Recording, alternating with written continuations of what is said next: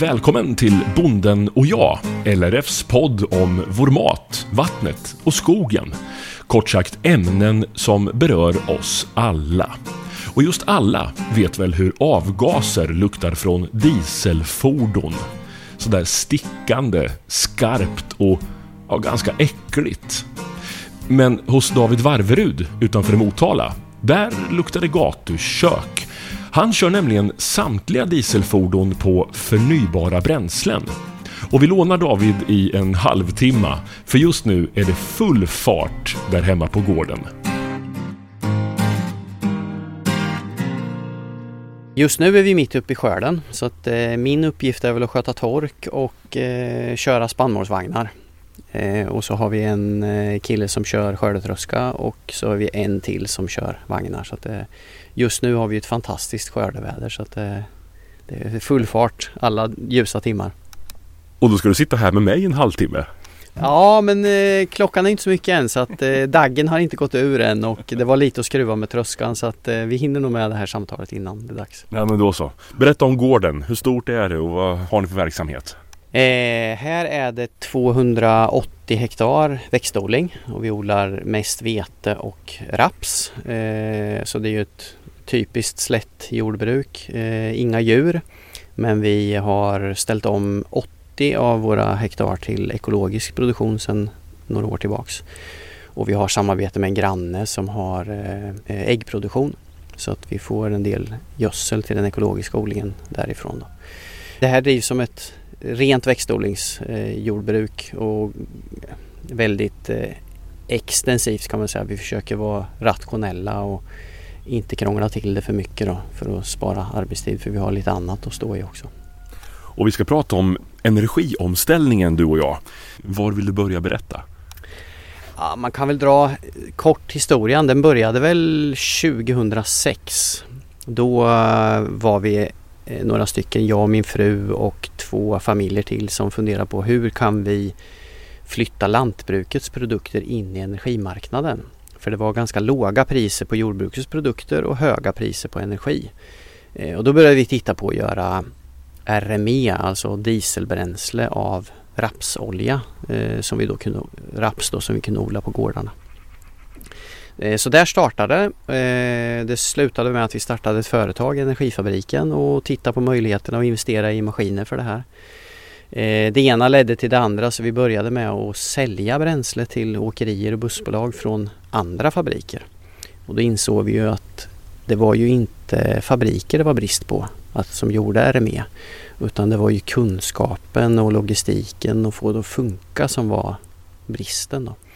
Så att då började vi jobba med det och hjälpa åkerier att ställa om och allt praktiskt runt omkring med fordonsfrågor och tillstånd och eh, marknadsföring. Och, eh, det har vi hållit på med sedan dess och det har växt så att vi har eh, ökat leveranserna år för år. Och, eh, 2009-2010 där så förstod vi väl att vi, vi även måste förändra våra egna liv. Så det blev väl en omställning först i hjärnan att köra fossilfritt och sen göra det hands-on i hela i livet liksom och i lantbrukerna.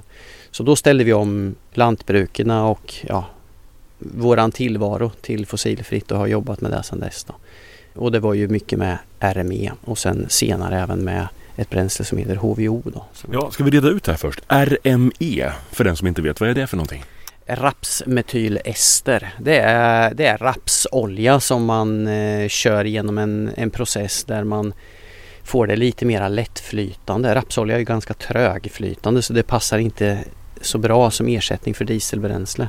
Men eh, låter man rapsoljan gå genom en RME-process eh, som är tämligen enkel egentligen då får man fram RME och det är ett ersättningsbränsle för vanlig fossil diesel så att det passar i alla dieselmotorer egentligen med vissa justeringar. Då. Så att det är bara att hälla i RME istället. Jag åker ju själv diesel. Mm. Om jag skulle tanka RME i min dieselbil, åker jag helt miljövänligt då eller? Ja, du åker ju på ett helt förnybart bränsle och det är ett bränsle som vi både odlar och tillverkar i Sverige. Sen sker det ju naturligtvis eh, utsläpp ur avgasröret när du kör på RME också men den stora skillnaden är ju att den koldioxid som släpps ut i avgasröret på din bil då det motsvaras ju av den koldioxiden som rapsplantorna har sugit i sig året innan. Då. Eh, så det är ju ett, ett slutet kretslopp, ett förnyelsebart bränsle. Då. Till skillnad från när du kör på diesel så är det kanske lika mycket koldioxid som släpps ut i avgasröret men problemet är att det har ju inte varit några växter året innan som har tagit hand om, samlat in den koldioxiden utan det kommer ju från 70-80 miljoner år gamla oljekällor. Och då blir det ju ett nettotillskott till atmosfären och det är det som är problemet. Det finns ingen, ingen växtlighet som tar hand om den koldioxiden som släpps ut då. Men omställningen säger du, ni ställde om ert liv till fossilfria bränslen på gården och era privatbilar och allt vad det kan vara för någonting. Vad innebär den omställningen? Vad gjorde ni? Ja, det här var ju då 2008, 2009, 2010 kanske som det här förändringen skedde och det var väl att man började fundera på flis till uppvärmning till exempel. Det är ju ett ganska billigt bränsle men det hade inte blivit av att vi hade satt oss in i det och undersökt om det gick. Och då gjorde vi det. Och det gick ju och det var ju lönsamt också. Och sen ställde vi naturligtvis om alla fordon. Eh, först till RME och sen har även HVO tillkommit senare. Jag började ifrågasätta motorsågen till exempel. Varför måste den gå på bensin? Och det gick ju faktiskt att få den att gå på E85.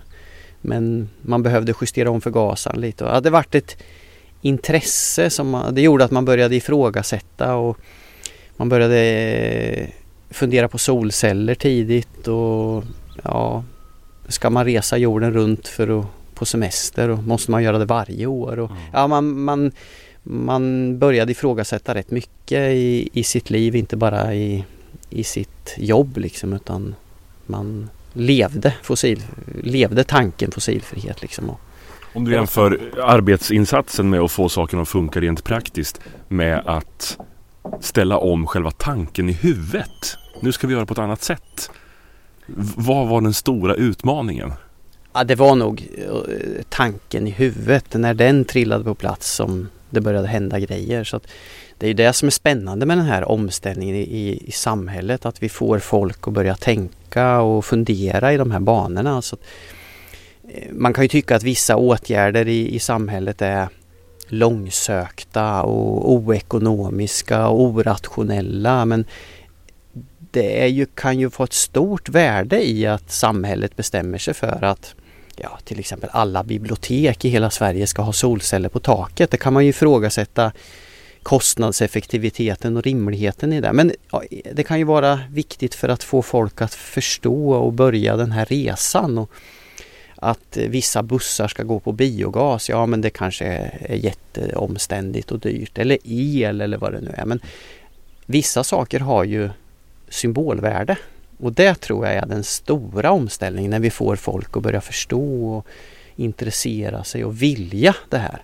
Då har vi gjort den stora omställningen. Sen om vi ska köra på el eller vindkraft eller biogas eller vätgas eller RME eller HVO. Det är nog en det är bara ett praktiskt problem. Liksom. Den stora utmaningen är att ställa om tanken på alla. Ska vi gå och kika lite på tankarna ni ska måla här nere? Ja. Så kan vi också reda ut vad HVO är för någonting. Och så starta en traktor och så lukta lite så det luktar när det kommer ut någonting från avgasröret. Jajamän. Det smet ut en eh, svart kattunge då. Mm. Ja, det är bra. bra. Säger David Varverud som är hemma hos och pratar eh, ja, förnyelsebara bränsle och omställningen, energiomställningen. Hur många katter har ni här? Ja, just nu är det många. Vi har tre vuxna katter och faktiskt tolv kattungar. Oj! Det vart stor ut, utdelning det här året. Ja. Ska ni ha kvar alla? Nej, de har faktiskt sålts allihop så att vi väntar på nya kattägare som ska komma och hämta under veckan här. Nu får du berätta, nu närmar vi oss de här två eh, tankarna som står eh, bakom boden här. Va, vad är det för tankar? Ja, det är två bränslecisterner eh, som vi har lite som mellanlager och det är en då för RME, det här rapsmetylester och sen är det en för HVO som är ett annat förnyelsebart dieselbränsle. Ja, ska vi reda ut vad är HVO? Hydrerad vegetabilisk olja och det är egentligen en kopia på den eh, fossila dieselmolekylen. Och den är ju i många syften faktiskt till och med bättre än den fossila dieselmolekylen för den är helt enligt ritningen kan man säga. Så den har ett extremt bra, extremt bra vinteregenskaper och bra startegenskaper så att eh, ofta så upplever en många kunder att fordonen och bilarna och maskinerna går bättre på HVO än på fossil diesel. Och det görs ju på eh, alla typer av vegetabiliska och animaliska fetter och i dagsläget så görs det på mycket restoljor, alltså eh, animaliskt fett, slakterifett, eh, used cooking oil och begagnade livsmedelsoljor. Då. För mig som inte kan det här så låter det ju som trolleri. Att de här tankarna innehåller då raps och, och gammalt fett som har samma effekt som dieseln. Det lilla jag kan om motorer är att det kommer in bränsle som exploderar och sen går kolvarna upp och ner och sådär. Mm. Jo, det, det låter ju lite för bra för att vara sant och jag kan hålla med dig. Men man ska, man ska tänka på att eh, dieselmotorn för över 100 år sedan, 120 år sedan, den utvecklades ju faktiskt för att gå på vegetabilisk jordnötsolja. Eh, så att det här med att vi hittade fossil olja i Texas eh, i början på 1900-talet, det är ju en senare historia. Eh, sen har vi ju naturligtvis levt i 100 år i en värld där den fossila oljan har varit förhärskande. Och all teknik som fanns före den fossila oljan har ju naturligtvis anpassats och förfinats och justerats för att passa just den fossila oljan. Men det finns ju ingenting som säger att vi justerar tillbaks alla insprutningspumpar och eh, insprut, insprutade till att gå perfekt på vegetabilisk och animalisk olja igen. I början av 1900-talet började ångmaskinerna sakta men säkert försvinna. De ersattes av dieselmotorer som var mindre, mer effektiva och kunde användas var som helst. Mannen som uppfann motorn var ingenjör Rudolf Diesel Diesels idé är nu mer än 100 år gammal, men framtiden för den ser ljus ut. Rudolf Diesel utvecklade en motor som kunde gå på jordnötsolja och han förutspådde att vegetabiliska oljor skulle spela en stor roll som bränsle i framtiden. Och visst låter det som att han var inne på rätt spår? Källa Mediapolen.se men du, då undrar jag varför har vi inte löst problemet med utsläpp från, från dieselfordon? Om det är så här enkelt. Det måste finnas någon kulle att ta sig över. Är det kanske priset på vad det kostar? Ja, priset och sen har vi ju den stora frågan är ju egentligen tillgänglighet. Alltså hur mycket bränsle finns det i världen? Och det är ju alltså raps och HVO är två jättebra ersättningsbränslen för diesel. Men eh, förbrukningen av diesel i världen är så otroligt stor så att eh, jag ser inte hur, hur man idag ska kunna ersätta det med, med bara RME och HVO till exempel utan vi kommer att behöva alla tänkbara alternativ. Vi behöver el och vi behöver vind och vi behöver vätgas och etanol och biogas och vi behöver köra mindre och alla de här alternativen kommer att behövas om vi ska få ihop det här. Har du koll på hur mycket det skulle räcka till i Sverige om vi skulle liksom göra bränsle av raps? Ja, raps är ju en liten pusselbit i omställningen av till det fossilfria men det räcker ju inte speciellt långt så att jag skulle tänka mig att kanske 3-4 procent av Sveriges bränsleförbrukning av diesel idag skulle kunna ersättas av RME. Ja, det är inte mer. Nej, nej. Men eh, det är ju ungefär, vi skulle kunna driva hela lantbruket till exempel med RME från lantbruket. Så då skulle vi ju ha en fullständig självförsörjandegrad på just lantbruket. Men då blir det ju ingen RME över till någon annan då. Men nej. man kan väl välja till exempel att ja, ambulanser och brandkår och jordbruk och det skulle vi kunna vara självförsörjande på. Men eh, sen måste vi hitta alla andra möjliga lösningar också. Elbilar och vindkraft och biogas från matavfall. Och, så vi har en lång resa att göra det. Och vi har, inte, vi har inte lyxen att kunna tacka nej till något av de här alternativen. Och det tycker jag glöms bort lite i debatten. Man, man tittar gärna på det, det senaste och det nyaste och nu kanske det är vätgas eller elbilar. Och ja, det, och det är jättebra. Vi kommer att behöva dem också. Men vi kan inte vi kan inte tacka nej till alla de framgångarna vi har gjort med etanolbilar och ja, vi måste ju lägga till alla nya förnyelsebara bränslen. Vi kan inte samtidigt som vi lägger till vätgas till exempel ta bort etanol utan vi måste, vi har gjort vi har etanolen, då måste vi hänga kvar i den och sen så får vi elbilarna som går på vindkraft eller solel, då måste vi lägga till dem. Eh, sen har vi RME, det kan täcka några procent, ja, då måste vi hålla, hålla i det. Vi kan göra HVO av avfallsfetter i samhället, ja, då måste vi hänga i det. Så att jag är liksom emot det här att man hoppar på det nya och samtidigt dissar man allt det gamla för att det, då är inte det bra utan den lyxen har vi inte utan alltså vi, vi måste ju ta de procenterna vi kan med de respektive förnyelsebara bränslena och då kan vi inte liksom förkasta de framgångarna vi redan har gjort. Om vi pratar kostnad då? För det är det man tänker som konsument. Ja, eh, HVO är något dyrare än motsvarande dieselbränsle och RME är något billigare per liter. Då. Och det är ungefär samma förbrukning, det skiljer lite grann. Sen är det ju för, just för lantbrukets skull så är ju, har man ju skatteåterbetalning, skattereduktion på den fossila dieseln. Den får man ju inte på de här två bränslena för de är ju skattefria redan som det är. Så det gör ju att just för lantbruk så är det ju ett dyrare bränsle. Eh, och HVO är ett något dyrare bränsle än fossil diesel för en personbil eller en lastbil. Då. Och det är ju, I vissa verksamheter så är ju bränslekostnaden väldigt eh, betydelsefull. Medan i andra branscher så är ju kanske bränslekostnaden en liten del i den stora kostnadsmassan och då får man väl väga vad är har jag något marknadsföringsvärde eller kan jag ta fler affärer om jag kan lyckas köra på fossilfritt och då kanske det är värt att betala en, två kronor mer för bränslet om det är en liten andel i kostnadsmassan. Men i andra verksamheter så är det ju naturligtvis en jättestor kostnad, så är det ju. Då kommer vi fram till en klassisk traktor, tror jag att det är. Det ser ut som en vanlig traktor. Här fram har du någon stor tank påkopplad. Det är RME i den tanken som ska följa med ut till fältet som eh, vi tankar upp tröskan med då, här senare under förmiddagen.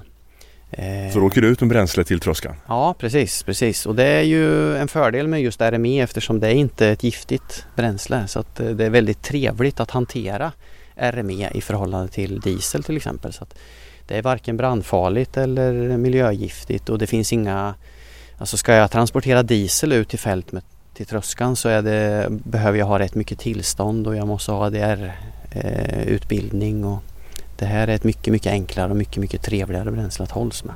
Vad luktar den här eh, vätskan för något? Jag ser bara att den är lite mörk i sin färg va? Ja, det luktar lite sötaktigt. Inte som diesel alls. Eh, det gör det inte. Och det blir inte den här skarpa diesellukten när man får det på fingrarna heller. Så det är trevligare ur den synpunkten också. Men traktorn här då, om du tankar den med det här bränslet. Måste du bygga om motorerna på något sätt eller är det bara att byta och köra eller? Nej, det är tämligen enkelt. Det här, den här traktorn som vi står framför nu den är ju en, en gammal trotjänare på gården. Den är 20 år och den har gått de sista 10 åren på RME. Eh, och vi har inte gjort någon anpassning mer än att vi har sett över bränslefilter och fått byta någon slang här och där. I övrigt är det ju en helt standard traktor som sen tidigare. Och din bil här borta skulle mycket väl kunna gå på, på RME också. Där man behöver tänka på att kanske byta bränslefilter i början och eh, din dieselmotorvärmare går inte speciellt bra på just RME men då kan man välja HVO istället. Eh, det är helt samma som diesel så att jag skulle väl rekommendera dig att köra på HVO i din bil och jag fortsätter nog köra på RMI i traktorn här för den kör jag bara sommartid och det har funkat bra. Vad luktar avgaserna? Ja vi kan starta här men det luktar eh, lite gatukök eller pommes frites. Och vissa, vissa upplever det att man blir eh, mätt och belåten när man går runt traktorn och känner avgaserna och vissa blir då hungriga. Så att, vi måste testa. Ja, jag startar. Ja, David hoppar in i traktorn nu då ska vi se. Nu ska vi se. Ryker ju blått där borta. Ja, går runt i avgasröret. Kommer en blå rök ifrån eh, avgasröret där. Nu, ska, nu ställer jag mig mitt i oset här. Ja, ja det luktar gatukök. Det luktar gatukök. Du, det luktar ju lite gatukök. Ja, det är rätt så tydligt och det är tydligare på äldre maskiner som den här. Ja. Medan skulle vi ta en av våra nyare traktorer här så då skulle till och med jag ha svårt att avgöra om vi kör på RME, HVO eller diesel så att det har med motortekniken att göra. Så att nya, nya fordon då känner man ingen skillnad. Nej. Men på äl- så här lite äldre eh, maskiner då är det en väldigt tydlig frityrlukt eller gatukökslukt. Ja, men det här var ju jättekonstigt. Mm. Det luktar stekos och fett. Ja, eller grillkväll. Något, Eller en något- grillkväll. Ja, precis. precis. Framställningen då? Alltså hur stor är processen? För det låter ju ändå som att det här är ju en fantastisk uppfinning. Det är en tämligen enkel process och den gör vi, vi har en fabrik nere i Karlshamn eh, och i Karlshamn hamnar väldigt stor andel av Sveriges rapsodling eller rapsfrön. För eh, det finns ett stort presseri där nere som gör eh, vegetabiliska matoljor. Och våran fabrik som gör RME ligger granne med den så vi får rapsoljan genom väggen. Och där eh, får den processas ihop med metanol och då faller då glycerol ut. Och glycerol är ett eh, bra eh, foder till, till djur eller som eh, en ingrediens i eller råvara till biogasproduktion. Så att vi tar in rapsolja och metanol och ut kommer RME och glycerol. Och RME blir ju då bränsle och glycerolen blir eh, antingen eh, djurfoder eller eh, så i den största andelen då ingrediens till biogasanläggningar. Det låter ju jättebra men är, är den processen större och svårare än att ta fram vanlig diesel? Nej, alltså RME går ju extremt snabbt att tillverka jämfört med fossil diesel. För fossil diesel tar ju en 80 miljoner år att tillverka. Ja det gör det. Det är ju sant om man tänker så ja. Så det tar väl 80 miljoner och en dag att göra en liter diesel och för oss tar det ju ett år och en dag då. För det tar ju ett år för rapsplantan att odlas fram till rapsolja och sen tar det några timmar i våran fabrik nere i Karlshamn. Men du säger att det inte kommer räcka till till mer än 2-3 procent tror jag du nämnde va? Mm, Med den rapsen vi har. mm. Om vi odlar ännu mer raps då? Skulle det här gå liksom att utöka något så enormt om suget efter diesel idag är så stort? Ja, lite går det nog att öka det men eh, alltså lantbruket idag är ganska duktiga på att odla så mycket raps som, det, som odlingsbetingelserna tillåter. Men med nya sorter och nya odlingstekniker så kan vi nog kanske öka arealen raps i Sverige lite till. Men det är inte det som är lösningen på fossilfriheten utan det är det är en liten pusselbit som vi ska vårda ömt och använda och så ska vi liksom leta efter många nya pusselbitar med elbilar och biogas och köra mindre och samåkning och alltså vi, vi måste vi måste vända på alla stenar. Eh, det finns inte en lösning. För en lösning, det har vi levt med i hundra år. Vi har använt fossil olja till att värma dagis, till att flyga jetplan. Allt det har vi löst med olja. Eh, nu måste vi börja tänka, använda hjärnan och vi kanske ska värma våra hus med pellets eller eh, flis eller fjärrvärme och så ska vi använda flytande avancerade bränslen till flygplan och skördetröskor och, och så får vi hitta allt däremellan. Ja, vad ser du för framtid? Du som har gjort omställningen och går och tänker på det väldigt mycket. Det pratas mycket om att vi inte har så mycket tid kvar innan vi ska klara miljökraven och att det är miljökris. Allt det här känner vi till. Vad ser du för framtid ifall du blickar sådär lite längre fram? Ja, jag, återigen, jag ser en stor palett av lösningar. Det finns inte, jag ser inte den enda lösningen någonstans i horisonten utan jag ser en gigantisk palett av lösningar. Men har vi tillräckligt eller måste det in nya lösningar i paletten för att det ska räcka till tror du? Eh, vi måste ha in nya lösningar och vi måste nog också lära oss att hushålla med, alltså vi måste lära oss att göra av med mindre energi. Eh, så det är en kombination av att göra av med mindre, använda det smartare och många nya lösningar och vara rädd om de lösningarna vi redan har idag. Men det är en gigantisk uppgift. Alltså jag tror inte man förstår riktigt hur stor uppgift det här är. Att ställa om samhället till fossilfrihet. Det är, det är helt otroligt stor, stor utmaning. Va, vad tänker du då? Vi förstår inte. Vad är det som vi inte har greppat tror du? Nej men om man bara tänker sig att all raps i hela Sverige räcker till 3-4 procent av våran dieselförbrukning. Då pratar vi inte bensinförbrukningen. Och så, alltså HVO är ett jättebra bränsle och det gör man ju idag av avfallsoljor och det är ju bara att fundera på hur mycket stekfett producerar du och jag om året. Och hur mycket, om vi samlar ihop allt det, hur länge kan vi köra en stadsbuss på det? Det är ju, en, alltså det är ju försvinnande liten. Så att vi måste vi måste eh, hitta alla tänkbara lösningar och det är att samla in gröna påsen och göra biogas och solceller på taken och köra elbilar och eh, ta fram mer energieffektiva lösningar och eh, odla mer raps. Alltså alla de här lösningarna måste vi använda och vara rädd om alla. Var tror du nästa stora genombrott kommer om vi nu måste ha fler nya lösningar som vi inte känner till idag? Har du tänkt i de banorna? Ja, eh, nästa stora eh, utrullning det tror jag ju är elbilarna. Eh, och även eldrift på, man kan tänka sig den här traktorn som vi står framför nu. Det är en, en lastartraktor som går väldigt lite på, eller mycket på nära gården. Man skulle mycket väl kunna tänka sig med att om tio år så är en sån här traktor till 50 eldriven och så är det en lite mindre dieselmotor som då hjälper till när jag ska åka lite långt till exempel. Då kan jag ju sänka förbrukningen av flytande bränsle. Och i det här fallet är den ju redan förnyelsebar men det är RME som är bränslet. Men jag kan ju tänka mig att jag kanske kan köra på el ifrån mina solceller till 50% och 50% på RME då. Och då kan jag ju ändå minska förbrukningen av RME. Har vi el, grön el så det räcker?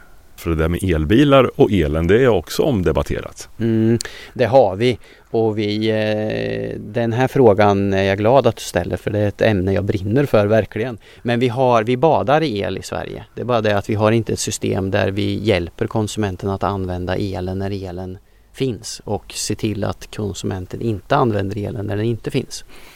Som jag till exempel är, har ju timdebiterad el här så att jag får ju betala mycket för elen när den är dyr och det är brist på el och väldigt låg pris på el. Eh, eller väldigt billig el när det är lågt pris på el. Men eh, det systemet är ju inte utvecklat till alla konsumenter i Sverige.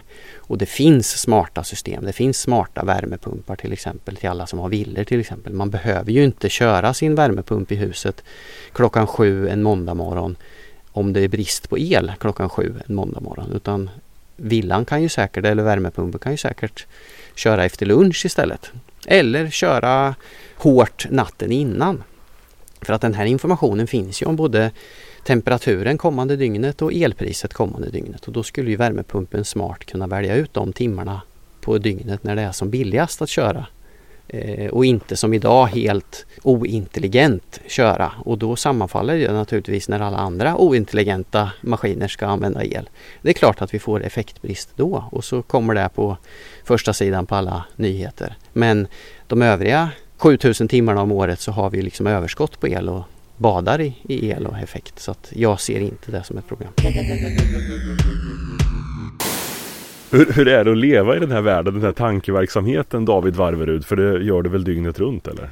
Ja, det, det, har ju varit upptagit min tankeverksamhet de senaste 15 åren. Så att det här är ju, jag, jag lever ju och är i den här världen eh, hela tiden med energi och el och bränsle och solceller och allt vad man kan tänka sig. Ja, och vad tänker du då när du ser samhället i övrigt, världen utanför din gård? Eh, det har hänt väldigt mycket men ändå väldigt lite. Eh, medvetenheten har ju ökat något enormt och folk eh, är intresserade av det här. Men det jag, det jag lite skräms av är just det här att man alltid springer på det senaste och samtidigt då förkastar det gamla. Man letar efter den här ultimata lösningen. Och jag tror inte den finns utan det är en palett av små pusselbitar som vi måste vara rädda om för att få ihop det stora pusslet. Det är väl den slutsatsen jag har kommit till. När du står och steker hemma i din stekpanna, tar du lite extra fett då för att veta att det där kan vi köra traktor på sen? Hemma hos mig är det tvärtom. Försök att använda lite mindre fett nu. Ja, eh, nej jag sparar nog inte så mycket där men däremot så ser jag till att jag kanske använder fettet att antingen till den gröna påsen eller ännu bättre då till eh, den hinken som vi har våra hushållshöns här så att vi får ägg av eh, matavfallet istället. Det är bättre. Och när du kör iväg med traktorn, blir du hungrig eller mätt? Det är lite olika känslor när man känner ett gatukök. Så. Ja, jag blir nog eh, varken eller. Jag blir mer glad liksom och känna att nu kör jag på någonting som vi faktiskt har odlat här i Sverige och producerat här i Sverige.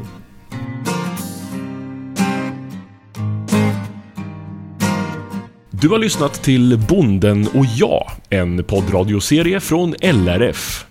För fler avsnitt och intressanta ämnen, klicka dig bara vidare.